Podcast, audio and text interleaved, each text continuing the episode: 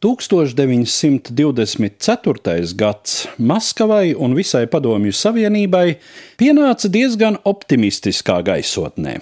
Pilsoņu kara, vispārējā sabrukuma un bada šausmas bija pārdzīvotas, Jaunā ekonomiskā politika ļāvusi izveidoties daudz maz normālam tirgum, līdz ar to tauta bija kaut cik pēdusi, zemnieki vairs nedumpojās, Stabilitātes gan nebija jaunās bolševiku valsts varas virsotnē.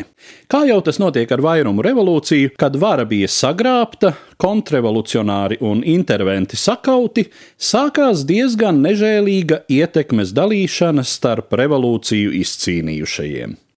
Sevišķi asa šī cīņa bija kļuvusi pēdējā gadā. Kopš revolūcijas galvenais vadonis un lielākā autoritāte Vladimirs Ļeņins pēc pārciestā trešā insulta, paralizēts un bez runas spējām, gulēja savā ārpilsētas rezidencē Gorkos. Šķiet, tikai vadoņa dzīves biedre Naģežda Krupska vēl cerēja, ka viņš varētu atlapt. Visi citi gaidīja nenovēršamo finālu, un tas pienāca 1924. gada 21. janvārī. Ļeņins mira 53 gadu vecumā. Kā oficiālais vadoņa nāves cēlonis tika minēta cerebrālā arterioskleroze vai ceturtais insults, Taču jau visai drīz sāka cirkulēt baumas, ka revolūcijas vadonis esot sirdzis ar sifilisu. Pavisam nesen atklātībā nākuši dokumenti apliecina, ka Vladimiram Ļeņinam jau 25 gadu vecumā tiešām konstatēta šī seksuāli transmisīvā slimība, un 1923. gadā starp viņam izrakstītajām zālēm bijis salvarsāns, tobrīd modernākais un iedarbīgākais līdzeklis minētās infekcijas ārstēšanai. Protams, nevar apgalvot, ka studiju gados iegūtā nelāgā kaita ir vienīgais Ļeņina nāves cēlonis.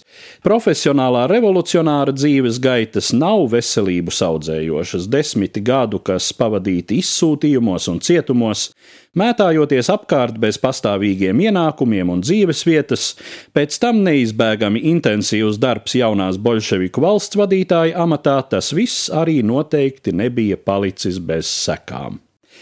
Jau pēc pirmā insulta 1922. gada maijā, kas izraisīja daļēju paralīzi, Ļeņins nodiktēja dzīves biedrē tekstu, kurš vēlāk ieguva Ļeņina testamenta nosaukumu.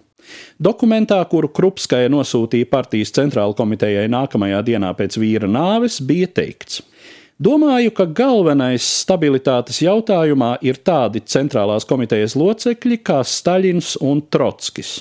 Viņu savstarpējās attiecības, manuprāt, veido lielāko pusi no šķelšanās briesmām, no kuras varētu izvairīties. Biedrs Staļins, kļuvis par ģenseku, ir koncentrējis savās rokās neaptveramu varu, un es neesmu drošs, vai viņš spēs vienmēr pietiekami uzmanīgi šo varu lietot. No otras puses, biedrs Trotskis ievērojams ne tikai ar izcilām spējām. Personiski viņš ir laikam gan pats spējīgākais cilvēks šajā centrāla komitejā, bet arī pārlieku apveltīts ar pašpārliecinātību un aizraušanos ar lietas tīri administratīvo pusi. Dienu vēlāk Ļeņins nodiktējis vēl šādu tekstu. Staļins ir pārāk rupišs, un šis trūkums, kas ir visnotaļ pieciešams mūsu komunistu vidē un saskarsmē, nav pieciešams ģenseka amatā. Tāpēc es ierosinu biedriem apsvērt veidu, kā pārvietot Staļinu no šīs vietas un iecelt šai vietā citu cilvēku bet neviens no tobrīd bolševiku partijas varas virsotnē esošajiem nav ieinteresēts pildīt Ļeņina pēdējo gribu.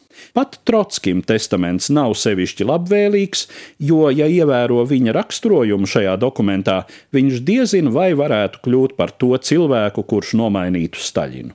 Vēl mazāk Staļina nomaiņu grib Trotska pretinieki un Staļina tā brīža sabiedrotie.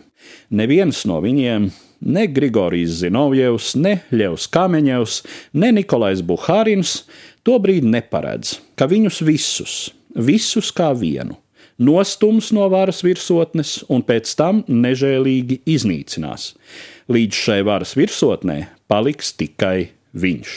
Josifs Staļins, Vladimira Ļeņina varas īstenais un iespējams arī cienīgākais mantinieks stāstīja Eduards Liniņš.